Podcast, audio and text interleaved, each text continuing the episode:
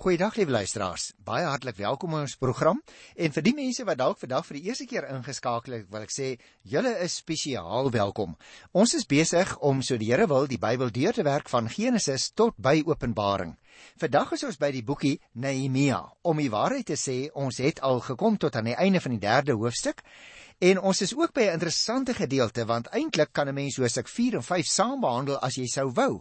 Maar ek gaan net hoofstuk 4 vandag doen. Die rede hoekom ek sê mense kan dit saam doen is omdat ons in hoofstuk 4 lees van struikelblokke. Uh en ek sou dit noem struikelblok nommer 1, die teenstand teen die bouwerk en daardie teenstand kom dan van buite. En dan volgende keer so die Here wil gaan ek 'n bietjie met jou praat oor 'n tweede struikelblok, naamlik teenstand deur Nehemia se eie mense. Maar goed, kom ons begin dadelik met vandag se gedeelte en ek wil eers dan vir jou van die twee hoofstukke uh so baie kort oorsig gee dat ons kan weet waaroor gaan dit nou. Dit was natuurlik 'n baie veel eisende taak om die muur wat rondom die stad was weer te herstel en op te bou.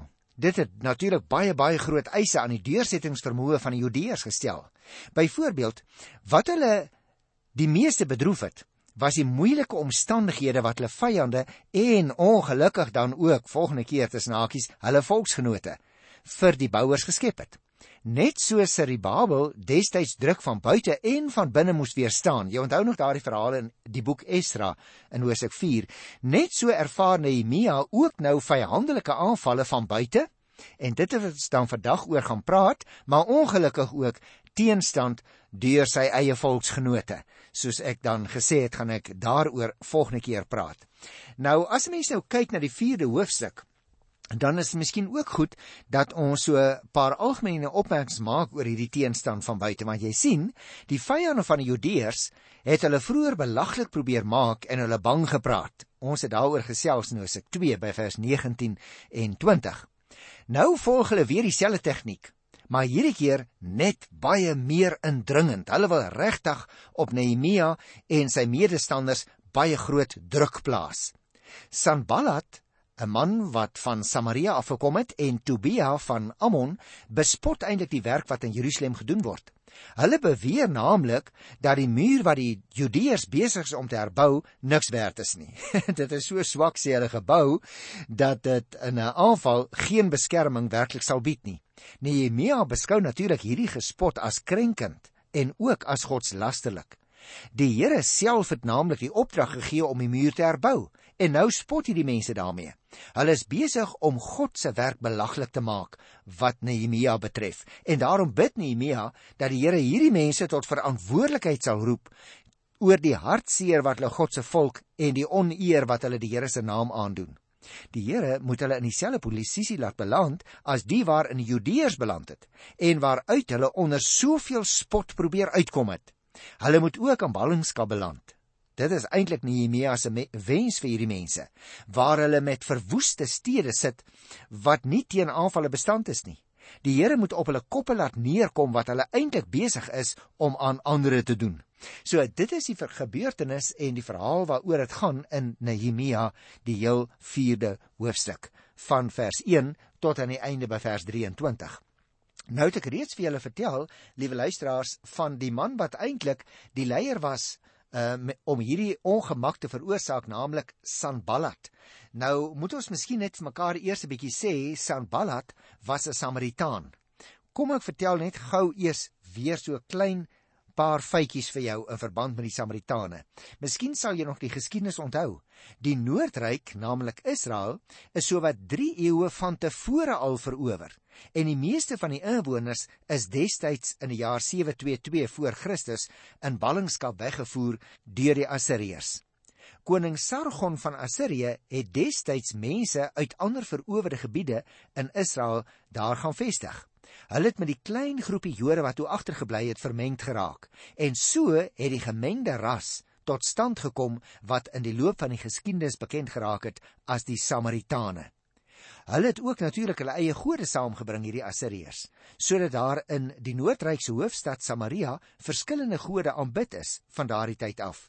Die Judeërs wat saam met Esra en Nehemia na Jerusalem toe teruggekeer het, wou natuurlik niks van hierdie Samaritane weet nie en ook niks met hulle te doen te hê nie. Da, dit het ook ook vir jou vertel toe ons die uh, boekie Nehemia behandel het.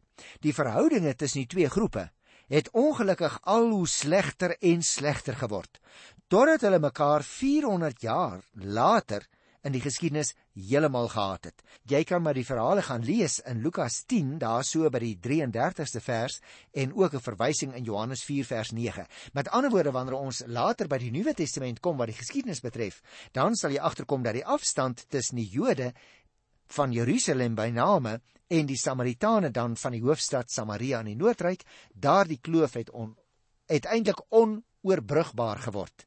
Daarom is dit so interessant dat die Here Jesus in Johannes 6 juis met 'n Samaritaanse vrou sou gesels daar by die put van Sigar. Maar nou ja goed, genoeg oor die geskiedenis. Kom ons uh, kyk na die eerste 3 versies by Nehemia, die 4de hoofstuk. Die opskrif in ons Bybel is pogings om die bouwerk tot stilstand te bring. Kom ons lees die teks. Toe Sanballat hoor ons bou die muur, was hy woedend. Hy het met groot ergernis smalend teen die Judeërs uitgevaar en vir sy mede-amptenare en vir die soldate in Samaria gesê: "Waarmee is die arme Judeërs tog besig? Wil hulle vir hulle 'n stadsmuur bou? Wil hulle offerandes bring en in een dag klaarmaak? Wil hulle die klippe laat herleef uit daardie hope stof en as?" Tobia die Ammoniet het langs Sanballat gestaan en hy het gesê laat hulle bou. Daardie klipmuur van hulle sal omval as 'n jakkals daarteen opspring. Nou natuurlik liewe luisteraars hierdie eerste versie sluit baie nou aan by die tweede hoofstuk by vers 19 wat ons so 'n paar programme van tevore behandel het. Net soos in die dae van Siribabel het die Samaritane geprobeer om die bouwerk in die wiele te ry Die woordvoerder, lees ons in die eerste vers, was dan ook hierdie man met die naam Sanballat. Maar die tweede en die derde vers het vir ons gesê, sy mede-amptenare was die leiers van die Samaritaanse gemeenskap. Die soldate wat genoem word in vers 2 was waarskynlik van 'n Persiese garnisoen wat daar in Samaria gestasioneer was. Nou, deur te verwys na die arme Judeërs, soos hulle genoem word, bespot hy natuurlik die bouers en impliseer hy daarmee dat hulle eintlik geen hoop het om hulle bouwerk te kan voltooi nie. Die uitdrukking offers bring verwys waarskynlik na wydingsoffers wat by die aanvang van so 'n onderneming gebring is in daardie tyd van die geskiedenis. Daar staan ook dat hy sê dink hulle hulle kan in een dag klaar maak. Natuurlik is dit 'n spottende vraag of die Judeërs eintlik 'n wonderwerk verwag. Daar word ook nog verwys in vers 2 na die hoope stof en as. Nou natuurlik luisteraar, dit impliseer dat die klippe vervloek is en nie weer as boumateriaal gebruik kan word nie. En dan hier in die derde vers het ons gelees van Tobia die Ammoniet wat langs Sanballat gestaan het en hy het hom ook nou nog in hierdie koor vereenselwig. Hy het eintlik saam met Sanballat gespot. As jakkalse praat hy. Met ander woorde hy sê as net maar 'n jakkals teen die muur omspring, dan gaan dit omval. nou ja, dan sal hy natuurlik 'n gat in die klipmuur breek, sê Tobia. En luisteraar, dit is eintlik 'n doodgewone spreekwoord van destyds waarmee die absolute nutteloosheid en vergeefsheid van die poging uitgedruk word. Dit is dus baie duidelik dat hierdie Sanballat en Tobia wil 'n totale bespotting probeer maak van die bouwerk wat onder leiding van Nehemia plaasvind. Kom ons lees vers 4 en 5 hier by Hosea 4. Hoor dit ons God. Ons word bespotlik gemaak. Laat die smaad op hulle eie kop afkom. Laat hulle as gevangenes in 'n land geplaas word van ballingskap. Moenie hulle oortreding vergewe nie. Moenie dat hulle sonde ooit voor u uitgewis word nie. Hulle het die bouers beledig. Nou luisteraar, hier het ons natuurlik een van verskeie gebede wat Nehemia dikwels gebid het tydens die hele bouprogram waarmee hy besig was. Hy bid naamlik dat God na hierdie spottery moet luister en dat hy die bespotting op hulle eie kop moet laat afkom. Mens kry iets van dieselfde soort gedagte in die boek Jeremia by Hosea 17 vers 18.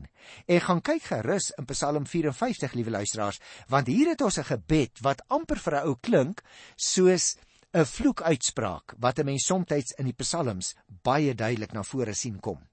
Nou moet ons ook onthou, Nehemia bid dat hulle in ballingskap weggevoer moet word.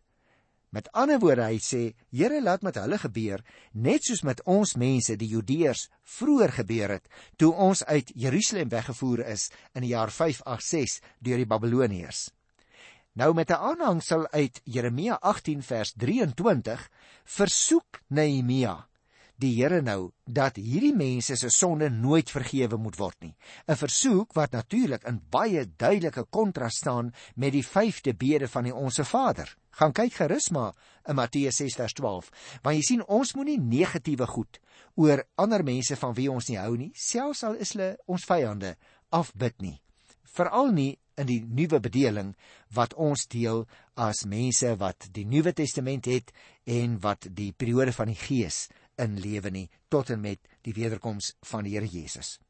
Ek wil ook net daar byvoeg, ons moet 'n gedagte hou So lyk dit in elk geval vir my luisteraar, die rede vir Nehemia se gebed is dat Sanballat en Tobia, so sê hy, die bouers beledig het en dus in werklikheid vir God beledig het. Dit is waaroor dit eintlik gaan.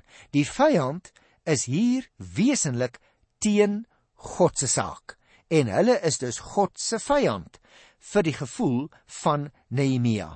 So as 'n mens nou uh, by vers 6 kom, dan wil ek net eers so kort oorsig uh, vir jou gee van vers 6 tot by vers 23, want jy sal nou nou sien as ek die verse behandel, toe die spottery nie die gewenste uitwerking op Judeërs gehad het nie, het hulle na nog drastischer maatreëls oorgegaan om die bouwerk te probeer stopsit. Die groepe suid en oos en noord en noordwes van Juda het naamlik begin saam sweer om Jerusalem te infiltreer en Judeërs dan van binne af te probeer aanval. Nehemia se informante waarsku hom egter betyds en hy tref dan verskillende voorsorgmaatreëls. Hy bewapen die volk. Jy sal sien ek gaan dit nou-nou met jou behandel. Hy maak hulle ook geestelik weerbaar, want dis baie belangrik, liewe luisteraar. 'n Mens kan selfs wapens hê, maar as jy nie geestelik weerbaar is nie, dan help jou wapens eintlik niks dan gaan jy weghardloop in die stryd. En dan roep hy hulle op om met geloof in God hulle mense se lewens te beskerm. Hy verdeel ook die volk in spanne wat moet wag hou en ander wat terselfdertyd natuurlik dan met die bouwerk moet voortgaan. Nehemia werk ook 'n strategie uit hoe hulle in geval van 'n aanval moet optree en moet luister waar die ramshoring geblaas sal word indien dit nodig sou wees. En so word die bouwerk dan onder oorlogstoestande voortgesit. Tussen hakies, wie jy as ek dit lees in die Bybel, dan dink ek dis amper vandag nog so met die geskiedenis van moderne Israel hè, want daar is omtrent altyd oorlog terwyl hulle 'n voortbestaan probeer uitbou. Uit nood weer moet hierdie mense dus bidend werk en veg en vegtend en werkende bid. Alwou ons dit ook graag anders hê, is dit ongelukkig baie keer nodig in ons eie lewens dat ons as gelowiges ons soms moet begewe in die arena van konflik en van stryd. Dan pas dit ons om steeds te bly bid dat God sy wil met ons sal laat gebeur. En daarom is my opvallend dat Nehemia ook volhard in die gebed. Kom ons kyk so bietjie in detail na vers 6 tot 9. Ek gaan dit eers lees. Ons het bly bou aan die muur. Die hele muur was al halfpad opgebou. Die mense se hart was in die werk. Sanballat, Tobia, die Arabiere, die Ammoniete en die mense van Asdod was hewig ontsteld toe hulle hoor die herstel aan Jerusalem se mure vorder goed en die afgebreekte gedeeltes is byna weer opgebou. Hulle het saam gesweer om Jerusalem te kom aanval en verwarring te stig. Ons het tot ons God gebid en dag en nag wagte teen hulle uitgesit. Jy sien luisteraar, ten spyte van hierdie teenstand, het die bouwerk baie fliks gevorder. Dit lei dus uiteindelik daartoe dat die teenstanders tot geweld begin oorgaan. Mense kry 'n volledige lys van die vyande in die 7de vers. Jy moet ook oplet dat die stad Asdod, jy sal onthou, dit was 'n Filistynse stad, 'n gebied was ten suidweste van Juda. Die vyande sweerde saam om Jerusalem aan te val en so, soos hierdie verse vir ons sê, so verwarring te veroorsaak. Nou Nehemia het net soos Esdra destyds oortuig gewees van die krag van gebed. Daarom het hy die wagte uitgesit om die bouers te waarsku sodat hulle nie onverhoeds betrap sou word nie. Syne 'n baie praktiese man lyk dit vir my. Het Nehemia geglo aan bid en werk. Luister na vers 10. Die Judeërs het toe begin kla. Die draers se kragte gee in. Die puin is te veel. Ons gaan dit nie regkry om die muur klaar te bou nie. Nou hier gebeur 'n baie tipiese ding, liewe luisteraar, as daar vyande is wat jou bespot, dan verloor jy ook sommer gou-gou moed en raak jou verwagting eintlik baie laag. En nou daarom kry mens eintlik hier in poëtiese versreëls wat in 'n klaagritme geskryf is in die oorspronklike Hebreëse taal en deur die bouers gesing is ook. En dit word dan die uitdrukking waaraan hulle die gevoel wil gee van 'n groeiende moedeloosheid in Joodse geleedere, juis vanweë die omvang van die werk aan die een kant en die vyhandigheid wat hulle van buite ervaar. Vers 11 tot 13 vertel vir ons ons teestanders het gedink hulle sal niks weet of sien voor ons tussen hulle is en hulle doodmaak en die werk tot stilstand bring nie. Ons het egter keer op keer gewaarsku deur die Judeërs wat naby ons vyande gewoon het en van oorle af na ons toe gekom het. Ek, dis nou Nehemia, het die volk gewapen met swaarde, spiese en pile en boë familiegewys ingedeel en hulle stelling laat inneem agter die muur, onderkant elke plek waar die muur nog nie hoog genoeg was nie. Jy onthou ek het vir jou gesê luisteraar, toe ek die oorsig vertel het, naamlik dat uh, sommige mense besig was met die bouwerk terwyl ander moes wag hou dat die vyand nie die stad kan inkom nie. Nou interessant hier in vers 11 tot 13, die vyande lees ons het beplan om Judeërs te oorval, maar danksy sy eie spioene het Nehemia van hulle planne te wete gekom. En daarom het hy nou die volk bewapen en met die wapens van daardie tyd uh tot hulle beskikking het hy hulle ook ingedeel volgens hulle families. Vers 14 en 15 vertel vir ons daarna: Toe ek agterkom dit is nodig, het ek die vooraanstaande burgers, die amptdraers en die res van die volk toegespreek: Moenie vir hulle bang wees nie dink aan die Here, groot en onsagwekkend, en veg vir julle broers, julle seuns, julle dogters, julle vrouens en julle huise. Ons vyand het gehoor dat ons van hulle planne weet en dat God dit verydel het en ons kon almal teruggaan muur toe, elkeen na sy werk toe. Jy merk op toe Nehemia nou besef dat die situasie die moreel van die volk kan ondermyn, het hulle aangespoor en hulle daarop gewys dat hulle voortbestaan op die spel is. Vertroue op God verban gou-gou alle vrees.